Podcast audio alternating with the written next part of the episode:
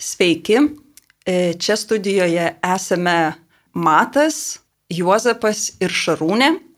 Ir mes susitikome tam, kad pasikalbėtume apie Vilniaus akademinės silovados centrą.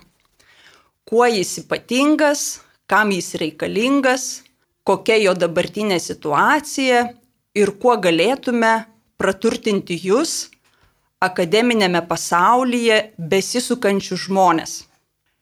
Iš tiesų reikia paminėti, kad Vilniaus akademinės silovados centras yra dar labai jaunas centras. Galėtume sakyti centriukas. Ir Matas yra ne tik e, vadovas, bet ir dalyvavęs šio centro veikloje nuo pat įsikūrimo. Tai Matai norėčiau tavęs ir paklausti, kadangi centras yra labai jaunas ir ar tu galėtum papasakoti, kaip akademinė selovada vyko anksčiau ir kokia buvo centro įsikūrimo pradžia, kurioje tu irgi dalyvavai. Tai ačiū, Šarūnė, geras klausimas. Ypač man, kodėl, nes aš labai mėgstu kalbėti apie ištakas, kadangi esu istorikas. Tai e, nuo pradžių, kai reikia kalbėti, man iškart pasidaro malonu, malonu prisiminti, kas buvo tie iniciatoriai visos šitos idėjos. Iš tikrųjų, pats e, Pati akademinė selovada universitete yra nenaujas dalykas, man atrodo, susijęs su paties universiteto kaip po reiškinio ištakom. Iš tikrųjų, e, tai reiškia, kalbam apie viduramžius, bet paskui keitėsi visi šitie dalykai, bažnyčios vieta visuomenėje ir valstybėje keitėsi. Ir, na, e, sielovada šio laikinėme universitete egzistuoja tada, kai jos reikia ir ten, kur jos reikia. Tai kai tik atgavom nepriklausomybę, iš tikrųjų čia yra pradžia akademinės selovados, kai tik atkūrėm nepriklausomybę, tėvai jezuitai sugrįžę iš emigracijos, e, formuoti vakarų pasaulyje, mm, suprato, kad čia reikia, čia reikia pradėti akademinę selovadą, ypač mūsų pagrindinėme Vilniaus universitete, kuris buvo didžiausias, na, bet jisai buvo iš pagrindų pakeistas per sovietmetį. Tai iš tikrųjų vienas iš tokių pradininkų e, buvo tėvas Antanas Saulaitis. Atvykęs čia, jisai pats e, gebantis dėstyti turėjo kursą, kurį galėjo pasirinkti studentai e, studijavę Vilniaus universitete. Tai čia buvo, iš tikrųjų, čia buvo Selovados ištakos. Ir kurį laiką Selovados centras, man atrodo, egzistavo, tiesiog, na, jis negalėjo mhm, pasigirti didelių dideliais pajėgumais. Iš tikrųjų viskas priklausė nuo atsidavusių e, kapelionų e, besisukančių Vilniaus universitete ir nuo jų pagalbininkų skaičiaus. Iš tikrųjų, ir, ir, ir tikrai tie kapelionai buvo nuostabus, pavyzdžiui, tėvas Mindaugas Malinauskas, e, e, jisai pradėjo, iš tikrųjų, mes kalbėsim turbūt vėliau apie Kairą studentams, tai jisai pradėjo ir, ir Kairos jau vykdomos mūsų centro maždaug devynis metus. Tai iš tikrųjų įdirbi pradėjo tie tėvai jezuitai ir ilgainiui atsirado dar vienas kapelionas, kuris įsikūrė Mykolo Rioberio universitete, kuningas Polas Narijauskas.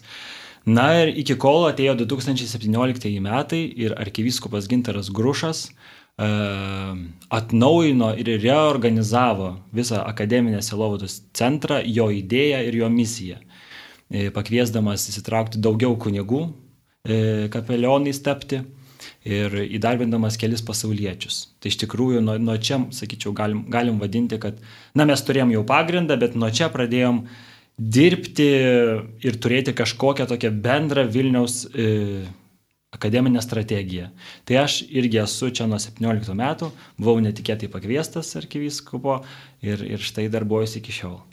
Jūs abu, Matai ir Juozapai, dar taip neseniai patys studijavote Vilniaus universitete. Ir dar ir, galim sakyti, Juozapas ir Matas dar taip neseniai, čia šių dienų bėgyje, e, apsigynė dar, dar papildomą tokį, kaip pasakyti, laipsnį savotišką, kad galėtų būti savo specialybės istorijos mokytojais. Ir gal galite truputėlį papasakoti, ką studijavote, daugiau užsiminiau istoriją, bet Juozapai, tu, tu kažką kitą dar studijavai. Ir pasakykite, ar buvote pažįstami su šituo reiškiniu kaip akademinė selovada, o gal buvote įsitraukę į kokias kitas universitete veikiančias bendruomenės, pasidalinkite.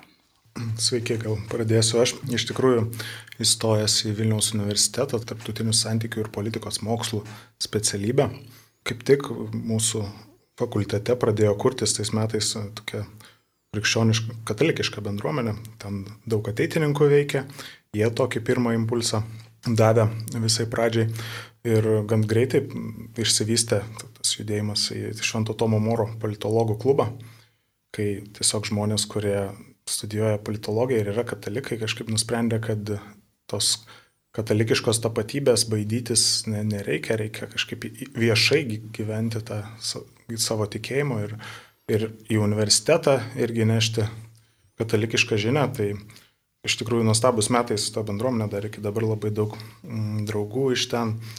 E, tai ir organizavome įvairias paskaitas, keliones, e, irgi susijusią su tikėjimu, tai važiavom į teologijos institutą Austrijoje, ten klausėmės paskaitų, šiek tiek stebėjom, kaip vyksta mokymasis.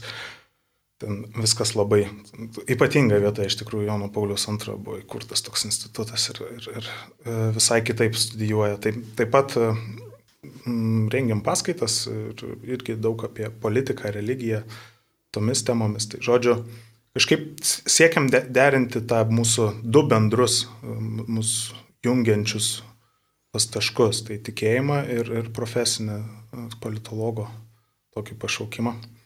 Tai man atrodo visai uh, sekės mums tai daryti. Iš tikrųjų, ką susikurdavom, tą ir turėdavom, nes uh, klubas buvo naujai įkurtas ir uh, visą veiklą be kažkokių tradicijų didelių reikėdavo patiems susigalvoti ir, ir iš tikrųjų tai, ką darydavom, tai toks taip klubas ir atrodydavo ir, ir tai buvo tokia pirma, pirma mano patirtis e, aktyvios viešos, tokios saliginai viešos ir ne, e, veiklos Vilniaus universitete. Tai galima sakyti, kad ta katalikiška veikla, į kurią tu buvai įsitraukęs per Švento uh, Moro klubą, tai ji buvo tokia kaip uh, kilo iš pačių studentų iniciatyvos, taip, iš pasauliečių iniciatyvos, taip. nebuvo dvasininko jums, iš jūs tikrųjų, palydinčio? Vienas iš tokių žmonių, kurie labai tą uh, aktyviai mintį nešiojosi ir, ir, ir po to jau ir kitiem reiškia, tai buvo e, dabar klierikas Linas Braukila, tuo metu dar jis nebuvo įstojęs į kunigų seminariją, bet e, jisai vat, tikrai vienas iš tų pradininkų. Tai dar dvasininkų nebuvo, bet jau žmonės, kurie pašaukimą savo e, atpažinę vis tiek šalia kažkur klubo visą laiką būdavo.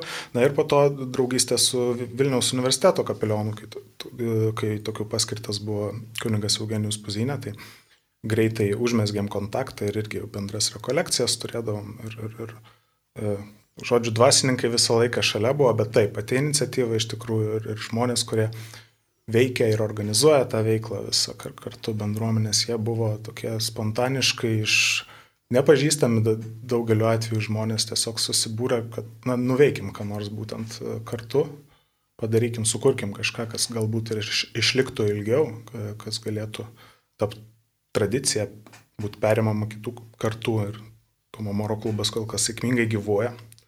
Tikėsime, kad dar istorija jo ilgai nesibaigs. Matai, ar tau pavyko e, susidurti su to reiškiniu kaip akademinė selovada, kai tu buvai studentas? Nu va, mano patirtis šiek tiek kitokia.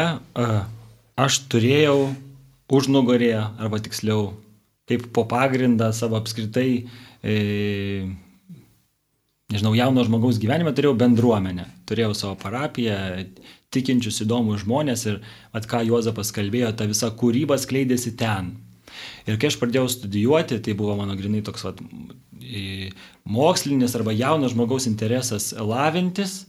E, aš atėjau į universitetą ir man kažko papildomo iš tikrųjų daryti jau, jau aš nenorėjau. Man to nereikėjo kažkokios dar vienos bendruomenės ar dar kažkokios naujos veiklos. Dėl to iš tikrųjų mano visas katalikiškas gyvenimas taip susiformavo, kad jis vyko už universiteto ribų.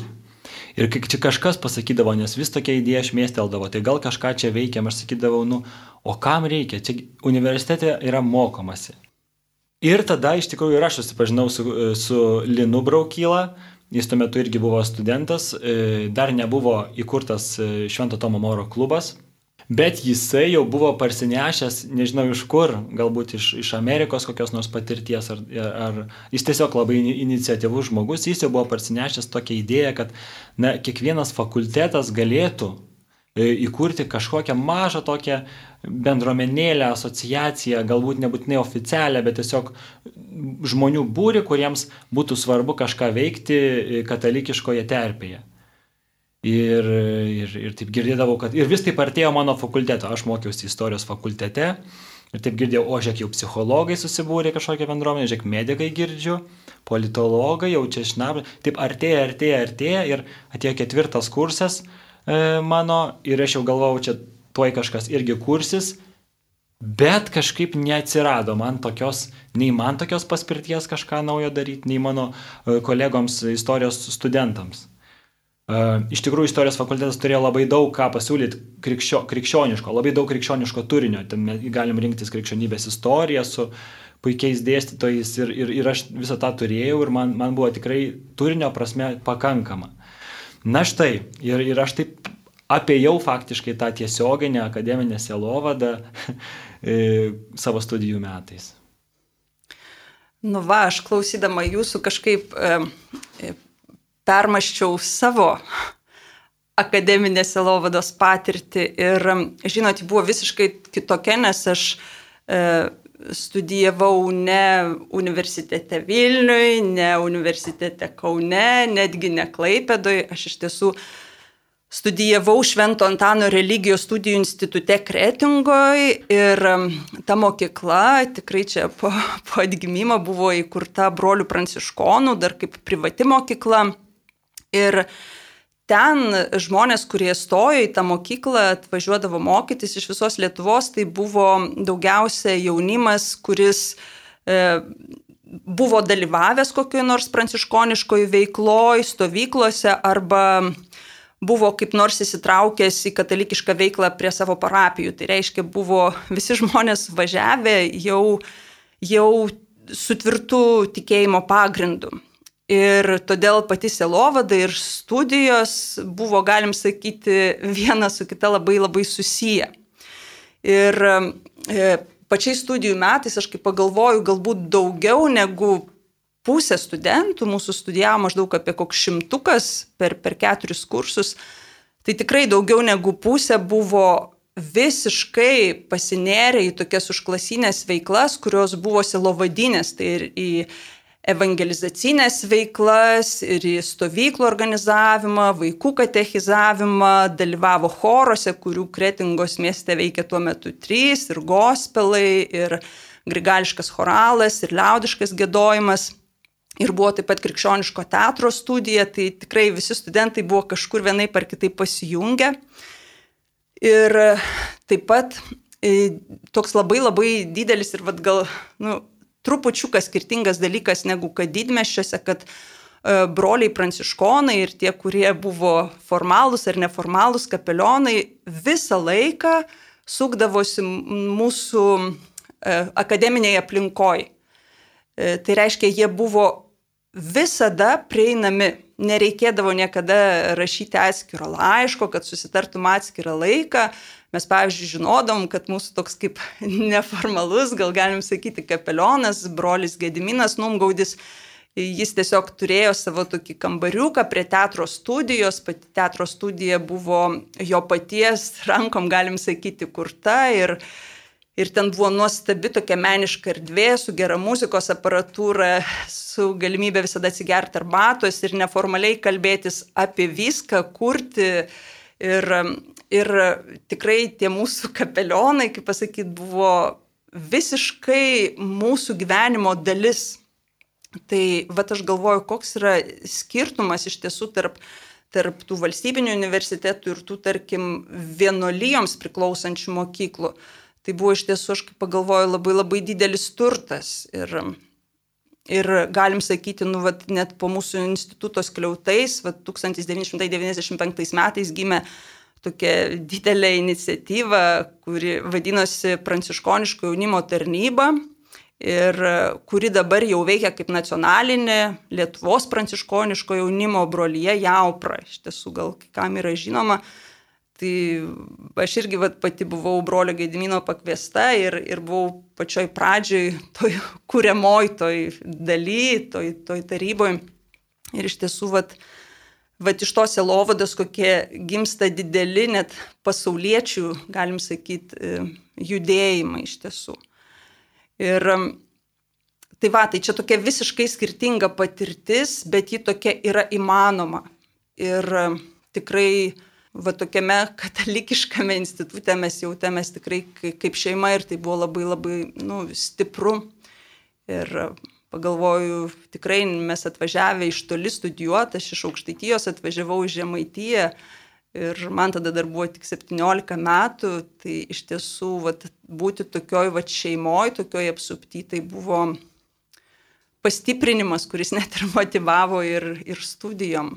Tai čia va toks noras buvo pasidalinti visiškai tokia skirtinga aplinka, bet kuri buvo, egzistavo ir kai kur galbūt dar net yra ir šiandien, nežinau, gal ne Lietuvoje, bet kažkur yra. Ačiū, kad pasidalinai, labai įdomu, mm. kad e, mažam miestelį vyrė gyvenimas ir dar kaip jo. Ir dar kaip. Ir aš manau, tai buvo Čia mes galbūt paskui truputėlį prabilsim apie tą dalyką, apie sunkumus e, patiriamus silovadui. Bet galvojau, dėl ko viskas taip sekėsi, tai todėl, kad e, broliai pranciškonai, e, konkrečiai netgi minėsiu brolių Gediminą, kurie neskaičiavo laiko ir galim sakyti, visą laiką buvo šalia studentų, gyveno tą, tą, tą gyvenimą kartu jų kasdienybę ir buvo visada pasiekiami. Tada žmogui tarsi nereikėdavo studentui specialiai ruoštis tam susitikimui, jis galėdavo jį, jį bet kada koridoriui pasigauti, kieme pasigauti, bet kuriuo metu ateiti, dienos metu kalbėtis ir, ir tikrai ir Ir galiu pasakyti, kad broliai dar ir dalyvaudavo tose meninėse veiklose. Pavyzdžiui, e, kai kurie broliai buvo įsitraukę į tą teatro studiją, mes ten ruošiam spektaklį ir apie Šventą Pranciškų, ir ten apie žydų paschą, ir jie, jie dalyvaudavo. Tai galim sakyti, net tos meninės veiklos bėgėje tu galėdavai rasti per traukėlę dalintis. Ir, ir tai buvo nu, tikrai netgi nu, draugystės santykiai, ne, ne tik kaip vat, studento kunigo. E, dabar norėčiau pakalbinti vat, iš tokių, tokių asmeninių patirčių, pereiti truputėlį prie pačios vat, akademinės, Vilniaus akademinės Elovados centro idėjos. E, kokiu pagrindu e, susikūrė šitas centras, kokia idėja jis vadovavosi? Ar gali, matai, pasakyti pagrindinį tikslą šito centro? Papasakot. Taip, tai ta reorganizacija 17 metais ir įvyko lygiai greičiai, kaip sakiau, sustiprinant, pakviečiant pasauliečius dirbti ir pakviečiant kapelionus įsitraukti. Reiškia, paskiriant kunigus, paskiriant kapelionus. Tai reiškia, mes buvom lygiai greičiai sustiprinti dvi tokios žmonių, žinai, žmonių grupės. Ir natūraliai iš to kyla, kad mūsų iš tikrųjų pagrindinis yra tikslas bendradarbiauti su tais paskirtaisiais kapelionais, kuriems yra na, savotiškai pavesta rūpintis tam tikrais universitetais, kurie yra Vilniuje. Vilniuje yra daugiau universitetų ir kolegijų, negu yra paskirta kapelionų. Tokia yra realybė, nes, kaip sakant, išrinktųjų maža. Bet tiek, kiek jų yra, tai mūsų pirma užduotis yra su jais bendrai veikti, bendrai dirbti. O, o, ką, o ką mums dirbti? Tai reiškia, mums iš tikrųjų rūpi tie žmonės, kurie atvyksta, kurie studijuoja Vilniaus universitetuose, kad jie galbūt atrastų tikėjimą čia atvykę, o tie, kurie augo parapijose, dalyvaudavo Lietuvos jaunimo dienose, pasaulio jaunimo dienose, stovyklose, kurios iš tikrųjų buvo, kaip čia pasakyti, nu, nenoriu tai pragmatiškai skambėti, bet investuota labai daug laiko, iš, iš tikrųjų tai buvo skirtas didelis dėmesys jų kažkiam vertybiniam auklėjimui, kad, na, jie turėtų galimybę, turėtų teisę, būtų tokia pasiūla jiems visą tai išlaikyti ir studijų metais. Tai va, tai, tai mes esam tam, kad visoje universiteto pasiūloje, kuri daugiau mažiau šiuo metu yra už klasinė, kad mes išskirtume tą savo katalikišką pasiūlą tiems studentams, kurie čia studijuoja. Ir lygiai taip pat, kadangi žodis yra akademinė silovada, o ne studentų silovada, tai mūsų terpė yra ir dėstytojai, kurie lygiai taip pat dirba, studijuoja ir nori, ir nori, nu, nori to dvasinio peno. Gal gali truputėlį tikrai papasakot, su, su kokia publika jūs sus, susidurėt iš tiesų, dėl kokios, dėl kokios publikos to, nu, akademiniai terpiai jūs, jūs stengiatės. Truputėlį papasakokit apie tą žmonių įvairovę. Aš kaip suprantu, jūsų tikslas nėra pasiekti vien tik tai e, tikinčius, jau angažavusius, kokie tie žmonės ateina pas jūs arba pas kokius jūs einate.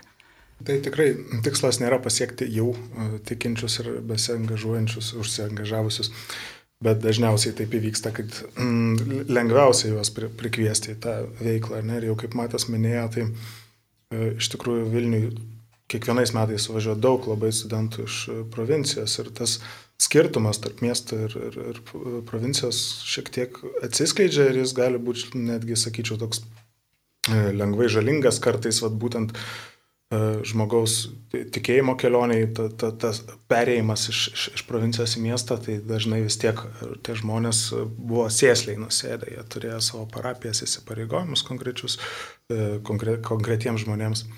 Na, o Vilniui, kadangi pasiūla didelė ir bažnyčių visko, tai yra ta šiek tiek pagunda neįsivietinti, net šiek tiek tokiam laisvam klausytojui skirtingose mišiuose vis atėjus e, būt, kur tau patinka labiau ar ne. Tai mes tengiamės iš tikrųjų suburti tos žmonės kartu, kad jie čia atrastų žmonių grupę, su kuriais kartu galėtų įsipareigoti. Ir čia Jeigu kalbant apie konkretesnius pavyzdžius, tai vat, praeitais metais labai sėkmingas, tikrai nuostabus projektas, e, projektų pavadinsiu, bet e, buvo įkurtas e, Švento Luko klubas menininkų studentų, tai vėlgi panašiai kaip Tomo Moro klube, kur siekiam vienyti politologus, tai šį kartą Silovadas centras dirba su konkrečiai menininkais, studentais ir, ir kol kas viskas labai gražiai dėliojasi, klubas auga, bendruomenė stiprėja. Tai kiti žmonės, su kuriais iš tikrųjų dirbam, tai ir, ir jau irgi Matas minėjo dėstytojus. Tai e, ir šiais metais, šiais metais iš tikrųjų turbūt pirmą kartą taip daugiau atsigrėžėm į juos, skiriam kelionę vieną, kartu važinėjom po palaimintųjų takais, taip vadinosi ta kelionė, tai palaiminta Teofilio Matulionio ir, ir, ir Mykolo Gedraičio gimtus kraštus ir, ir muziejus lankėm, domėjomės šitais uh, palaimintaisiais ir iš tikrųjų per Lietuvos vietovės, kur jie veikia arba, arba e, gyveno vienuolinį gyvenimą, kaip Mykolo Gedraičio atveju. Tai tiesiog išsivežėm visus dėstytojus ir iš visų įvairiausių studentų, siekdami vis tiek taip šiek tiek tokį ir dėstytojų ryšius vieni su kitais, kad matytų tos tikinčių žmonės, kurie yra universitete, kad, kad e, paskatintume bendrauti kažkiek juos ar ne. Tai e, ir žinoma, nėra taip, kad e, tik į tikinčius esam orientuoti, iš tikrųjų viena iš tokių gal veiklų, kuri labiausiai skirta agnostikams, taip sakykime, pritraukti, aš tai matau bent jau iš dabartinių. Tai e, podcastas, man, man taip atrodo, kad jisai e, iš tikrųjų palankus klausyti žmonėm, kurie kyla daug klausimų apie tikėjimą, galbūt E, nesuderina kažkaip su mokslu, dažnai šiais laikais toks prietaras yra, kad, kad, kad tikėjimas ir mokslas čia nederantis dalykai ir dar kažkas. Tai tas, tas, ta tinklalaidė, jinai skirta yra e, panašiem tokiem agnostiniam dažnai gal klausimam e, spręsti, gilintis ir visą kitą. Tai daugiau mažiau, tai tikiuosi, pavyko papasakoti, su kokiais žmonėmis dirbam. Tai aš suprantu, kad iš tiesų E, jūsų veiklos, e, mūsų veiklos yra e, tarsi nukreiptos į tam tikras žmonių grupės, tai suprantu, kad galim taip į tokias kategorijas sudėti, nors tie žmonės ne, nežinai, kas širdį dedasi, bet tarsi labiau ieškančius e, Kristaus arba e, siekiančius pažinti Kristų arba ieškančius savo asmeninės gyvenimo misijos, e, E, užduodančius e, gyvenimo prasmės klausimus. Tai, tarsi būtų jūsų kai kurios veiklos nukreiptos į šiuos žmonės, o kitos veiklos, kaip suprantu, labiau nukreiptos į žmonės, kurie, kurie jau yra atradę tikėjimą ir jūs padedat stiprinti tą, tą tikėjimą. Ir e, tai aš netgi sakyčiau, jūs visiškai arba mes visiškai veikiame pagal tai, kaip kaip ir popiežius Pranciškus sako, kad e, jaunimo selovada turėtų apimti dvi pagrindinės veikimo linijas. Tai viena yra paieškos linija arba kvietimas, kreipimasis į jaunus žmonės, kuris patrauktų juos patirti viešpati, o, o kita veikimo linija tai yra augimas, ugdymas, brandimo kelyje, skirtas tiems, kurie jau išgyveno tą patirtį. Ar galėtumėt pasakyti, kaip, e, ką jūs veikiate, ar integruojate į savo veiklą žmonės, kurie jau, galima sakyti, yra ūktelėję savo tikėjime, e, kurie jau praėję tarsi vairias stovyklas, kursus, e, dalyvavo įvairiausiai formacijoje, kurie iš tiesų galėtų būti tokie kaip lyderiai, ar jūs turite jiems kažkokių iš, išskirtinų veiklų ir kaip jūs juos įtraukėte į bendrą bažnyčios misiją? Mes iš tikrųjų tuos žmonės pirmiausia pastebime. Pastebime, kad jiems reikia kažko daugiau, kad jie jau turi kažkokį pagrindą, dažniausiai tada tiesiog mes mielai su jais leidžiame laiką, bendraujame ir, na, ir jeigu pastebime, kad jie turi tą norą kažką irgi kurti, prisidėti, tada mes ieškome, kur jie galėtų savo potencialą įgyvendinti ir ko jiems trūksta, kad kokį instrumentą reikėtų tobulinti juose, kad tas jų noras išsipildytų. Tai šiuo atveju, pavyzdžiui, kalbant apie šokią lyderystės formaciją, galime paminėti Švento Luko klubo branduolį. Tai yra jauni žmonės menininkai, kai kurie jau, jau yra baigę studijas, kai kurie baigė šiemet, kai kurie greitai baigs. Tai iš tikrųjų gera girdėti, kad e, jie turi irgi tą tokią brandžią tikėjimo patirtį ir juose yra noras, e, matant savo universiteto terpę, kažką joje keisti, kažką joje kurti, tai e, mes kartu irgi keliaujam tą akademinių metų kelionę, kurdami klubą, ieškodami klubo krypčių, kuriem dabar judėti, galvodami, kaip įtraukti naujus žmonės Ir e, mes susitinkam su, pavyzdžiui, kokiu nors organizacijų e, lyderiais, vadovais ir kalbamės apie tai, semėmės iš jų patirties. Mums, pavyzdžiui, vieną kartą pavyko susitikti ir su ateitininkų federacijos pirmininku ir sužinoti tam tikrus teisinius klausimus e, susijusius su visuomeninė veikla. Nu, žodžiu, įvairių dalykų tikrai randame O pirmas mūsų tikslas yra būti kartu, klausytis, ką, ką pavyzdžiui, to brandolio žmonės sako, ko, ko, jie nori, ko jiems, ko jiems trūksta. Tai jie iš tiesų, galim sakyti, yra kaip ir kapelionų didžiausia atrama savo universitete, nes tie angažuoti žmonės jau gali būti ir kaip didėjai pagalbininkai, netgi patarėjai apie vidinę universiteto situaciją savo, savo kapelionam. Iš tikrųjų, be kapelionų nieko negalėtume padaryti. Kapelionas yra universiteto vietininkas. Jisai žino, e, kas tai per erdvė, kokie žmonės studijuoja, kokie žmonės dirba universitete. Jisai yra, e, juo pasitikė administracija. E, mes, net negalėčiau sakyti, kad mes esam kapeliono rankos, mes esam ta tokia kapeliono gal užnugaris. Mes kartu su kapelionais ieškome gairių, kaip veikti, mes kartu su kapelionais mokomės veikti, mes kartu su kapelionais melžiamės, mm, bet iš tikrųjų jie yra tas, sakyk, savotiškas centras, apie kurį gali burti studentai. Šiuo atveju tai tikrai yra ir kapeliono pagalba. Dabar galbūt pasidalinkim truputėlį apie Užsiminėm, ką mes veikiam, šiek tiek trumpai, bet galbūt e, galim pasidalinti truputėlį apie pastarųjų metų atradimus. Aišku, šie metai buvo ypatingi, tokie karantininiai, bet nepaisant jų tikrai daug dalykų vyko e, toje akademinės selovados srityje ir gal galim pasidalinti truputėlį apie tokį kas buvo didžiausi atradimai per šitos metus mūsų darbe, mūsų veikloje. Mhm. Iš tikrųjų, tai susijęs e, klausimas su to, kaip keitėsi šiek tiek Silovadas centro veiklos pobūdis paskutiniais metais. Tai popiežius Pranciškus Kristus Vivit e, raginame jau e, mini, kad masinės bažnyčios, masinių, masinių renginių laikas baigėsi, laikas eiti į mažas grupelės, kad stiprinti, dirbti su kiekvienais žmonėmis taip individualiau daug labiau, nes e, ir ankstesnė veikla, kaip suprantu iš mato pasakojimo, jinai e, buvo orientuota į tokius didesnius renginius. Tai vat, e, tas darbas kartu su mažais studentų brandaliais, kaip pavyzdžiui Švento Luko klubas, jisai iš tikrųjų ir strateginis toks judesys, klausant popiežiaus, tuo pačiu ir nuostabus atradimas, nes e, aš asmeniškai labai nustebau susidūrę su tokiais brandžiais žmonėmis, katalikais. E,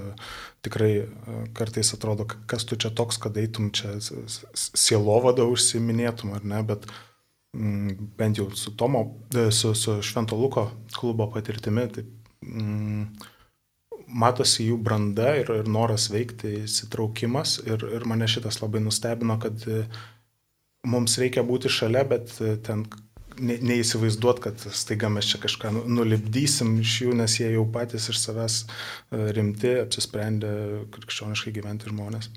Tai buvo toks tai tikrai įkvepintis ir, ir, ir, ir labai smagu, smagus momentas.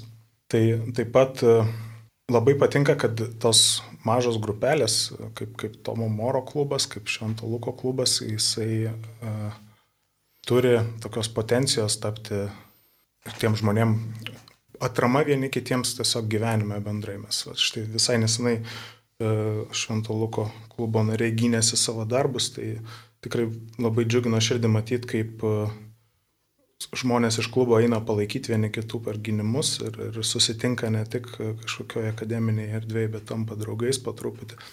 Ir su Tomo Moro klubu lygiai tai tas pats vyko, kai, kai pradedi nuo tų mokslo dalykų universitetinių ir staiga matai, kad tau jau nebereikia tų paskaitų, kad e, kartu susitiktum, einam kavos, alaus ar kokio kitokio gėrimo visi drauge ir, e, ir, ir šiaip po, po paskaitų. Tai tiesiog darbo su žmonėmis toks privalumas, matyti besimesgančius santykius, kad jie darosi vaisingi, kad, kad, kad e, žmonės savose gyvenimuose turi tokių vietų, kur, kur, kur jaučiasi reikalingi vieni kitiems. Tai.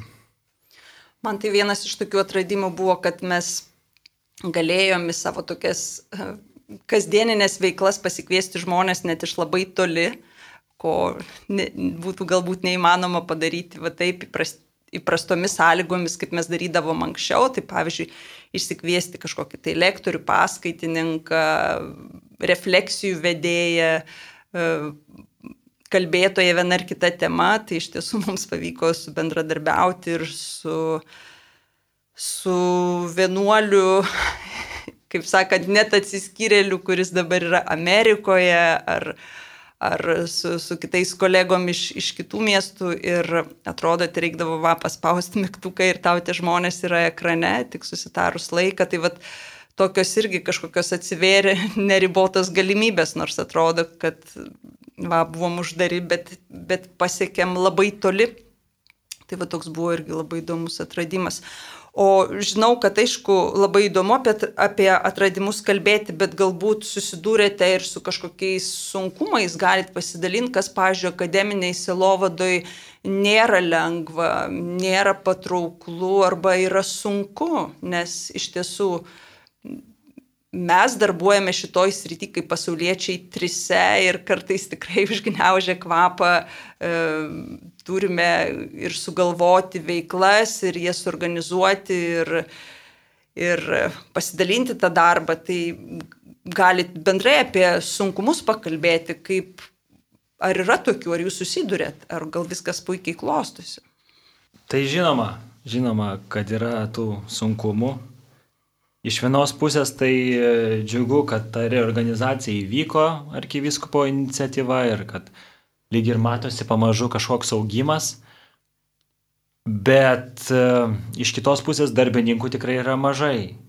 Ir mes esame sostinėje ir mes e, turime sostinės tempą. Mes turime būti itin aktyvus, reaguoti į tai, kuo žmonės gyvena, kuo žmonės nori, kokios aktualios. Labai greitai keičiasi tas renginių pobūdis, aš sakau, 17 metais buvo bendruomenių metai. Kodėl masiniai renginiai? Todėl, kad pakvieti, kuri, or, reiškia, organizuoja atsinaujinimo dieną ir suvažiuoja penkių bendruomenių žmonės, po 30 žmonių, visi jie studentai, jiems malonu vieniem kitus sutikti ir atrodo, wow, tokia triumfas toksai, tikrai die, Dievo žmonės kartu džiaugiasi vieni kitais ir, nu, yra smagu, yra tiesiog faina būti. Ir štai matai, kad nebe, nebėra taip, po kelių metų nebematai. Tai e, reaguoti į tai, kaip keičiasi šitą aplinką, kaip keičiasi universitetai, e, yra sunku, kai yra maža kopelė žmonių. E, kitas, sakyčiau, dalykas e, - stabilumas ir vientisumas. E, keturi metai ir studentas išvažiuoja, keturi metai studentas baigęs bakalauro pradeda dirbti kitą darbą. Gerai, kad jis lieka magistru, bet magistrantai dažnai susiranda darbą. Keičiasi, keičiasi pati žmonių terpė, su kuria dirbi. Žinai, kad tai yra laikina, kad tu esi stotelė. Ir tada tu turi sugalvoti, kaip šitoje vietoje palaikyti testinumą. Tai reiškia, kad tu turi būti pakankamai atviras ir neprisirašantis prie to kūrinio, kurį sukuri. Tu turi žiūrėti ne į, ne į savo gal naujuosius draugus šiuo metu. Tu turi atsigręžti ir pamatyti, kad yra antra kursai, pirma kursai, kurių galbūt tu vardų net nežinai. Ir kad, kad jie bus brandolys čia pat, toj pat. Tai man atrodo, vat, išlaikyti. Čia labai reikia tokio nuovokos E, išlaikyti testinumą savo kūriniuose, kuriuos sukūri. Šiuo atveju, pavyzdžiui, mažas bendruomenės. Ir buvo tokių kapelionų, kurie tikrai puikiai sukūrė e, universitete mažą bendruomenėlę, bet kadangi jie visi buvo e, ketvirto kurso studentai, jie visi išėjo. Ir štai kapelionas liko vienas ir tada iš kur gauti motivacijos kurti kažką naujo. Reikia užbėgti įvykiams už akių. Tai va tas toksai toks laikinumas. Na ir be abejo, aišku, tas veikimas universitetuose, kontaktai ir diplomatija su, su visa universiteto bendruomenė. Mes neturėtumėm uždarinėti žmonių į getus, mes turėtumėm e, būti tokia legali, kaip sakant, e, terpė, bendraujant atvirai su, su, nežinau, su studentų atstovybėmis, su universiteto administracija, su dėstytojais, su skirtingomis nuomenėmis, mes turėtume būti kviečiami ir, ir mus turėtų informuoti, kas vyksta universitetuose. Tai manau, kad e, iš dalies mums sekasi būti mm, kažkaip, na, organizacija, su kuria bendraujama, bet čia visada yra kur pasistiepti ir kur patobulinti. E, gal galite labai trumpai, neišsiplečiant, gal nepasakojant, kas buvo po to, bet tiesiog pasakyti sėkmingiausių tokių patirčių pasiekiant studentus e, pavadinimus tų veiklų, kurios galbūt tos veiklos nuskambės ir per ateinančius metus ir kad, kad žmonės galėtų atkreipdėmėsi, e, tiesiog kažkokių sėkmingiausių veiklų. Pasakykite mums e, pavyzdžius. Gerai, galim po vieną. Tai žinokit, jau va čia pat rugsėjai, rugsėjo pirmą dieną, e, visi studentai kviečiami subėgti į Vilniaus širdį katedrą pavesti savo studijų metus Dievui, e, susitikti su savo rektoriais, kurie irgi paprastai dalyvauja mišiuose. E, na ir paskui tokiam skirti laiko susipažinimui. Tai toks pirmas žingsnis į akademinę sielovadą rugsėjo pirmoji. Taip, ir tada gana greitai visus pirmakursius iš tikrųjų kviesim į ekskursijas po Vilnių. Turim jau irgi, kodėl sakau, kad sėkmingas dalykas, nes E, ne, ne vienus metus e, trunkanti iniciatyva, kai bandome sukviesti pirmakursius ir tai tikrai įvairiausių žmonių papuola į, į tas ekskursijas ir tiesiog einam e, susipažinti su Vilnium šiek tiek kitų tokių žvilgsnių, sakom, vidinių žvilgsnių, vidinis Vilnius, nes iš tikrųjų vietos pasirinktos tos, kurios dažnai galbūt net vietom ne, nebūtų galima patekti, jeigu nepažinotum reikiamų žmonių, ne viešos vietos, ir, bet nuostabios, pavyzdžiui, Bobolos kripta Kazimiero bažnyčiai, ten yra nuostabi bar, 17 e, amžiaus, jei neklystu, tokia kripta išpošta. Tai įvairiausių iš tikrųjų tokių vietų ir visus kviečiam taip pat ir norinčius savo universitete matyti kažkokį brandolį veikiančią, atsirandančią bendruomenę, tai kreipkitės, rašykit mums Facebook'e, pasiekime Vilniaus akademinės Slovados centras. Mes esam tam, kad padėti šitai organizuotis. Yra daug lengviau, kai yra kažkas, kas gali pasirūpinti tais visais formaliais dalykais, sakykime, kvietimų žmonių organizavimu ir, ir, ir kas gali šiek tiek tą, tą, tą naštą uh, pasimti ant savo pečių, nes palaikyti nuolat, ypač kai, kai žmonės dar nepažįsta vieni kitų, tą, tą ryšį yra sunkus dalykas. Tai mes tikrai vieną iš tokių veiklų, ką darome, tai bandome tos, kad žmonės, kurie sueina kartu, jie ir liktų kartu, ar ne, ne nepaleistų vienas kitą. Mes esam atsakingi, kad jie dar kartą susitiktų ir, ir vis pajudinti šiek tiek tą vandenį. Tai rugsėjo pirmoji, kaip akademinė Selovados centro iniciatyva e, katedroje, sukviečiant visus į mišes, e, atidarimo, mokslo metų atidarimo šventė, taip pat galimybė pirmomis savaitėmis prisijungti mūsų organizuojamas taip ekskursijas pirmakursiam po Vilniaus miestą kitaip, kitokį Vilniaus miestą, negu įprastai lankytume su gydu. Ir aš norėčiau irgi pakviesti tokią trečią iniciatyvą, kuris startuos spalio mėnesį ir kuriai intensyviai ruošiamės su e, mergelės Marijos dangun žengimo seserimis, Asumcion seserimis. Tai ta iniciatyva vadinasi Samuelio kursas ir ji yra skirta studentams ir alumnams kurie iš tiesų norėtų skirti devynis mėnesius kartą per mėnesį susitikti su žmonėmis, kurie ieško savo asmeninės misijos šiame gyvenime, kurie kelia klausimą, ką man veikti po studijų, kaip įprasminti mano laiką ir Dievo paiešką e, dabartinėme studijų periode, kaip pagilinti savo santykius su Dievu ir galbūt net kai kas kelia pašaukimo klausimą, Tai ypatingas kursas, kada kiekvienas dalyvis turės asmeninį dvasinį palidėjimą ir su grupė žmonių galės e, gvildenti labai, labai giliai savo, savo asmeninės misijos paiešką ir kelti klausimus Dievui. Tai Samuelio kursas nuo, nuo spalio mėnesio. Tai tokios iniciatyvos, kurios mums atrodo brangios, prasmingos ir kurios nuo pat pradžių mokslo metų naujų rūdienį startuos. Tai kviečiam visus prisijungti ir gal galite dar kartą priminti, kokiais kontaktais galime mus rasti prieš pabaigiant laidą. Taip, tai Vilniaus akademinės Silovados centras Facebook'e, tiesiog taip, taip ir rašosi, Ir e, taip pat turim elektroninį paštą, kur atsakinėjami laiškus, tai galite rašyti į studentų.sielovada, be lietuviškų raidžių, tiesiog paprastai studentų.sielovada etagmail.com. Ačiū Jums, ačiū Matai, ačiū Juozapai, ačiū man, Šarūnė. Ačiū tau, Šarūnė. ir ačiū Rimui, kuris mus rašė ir atsisveikiname su Dievu. Su Dievu.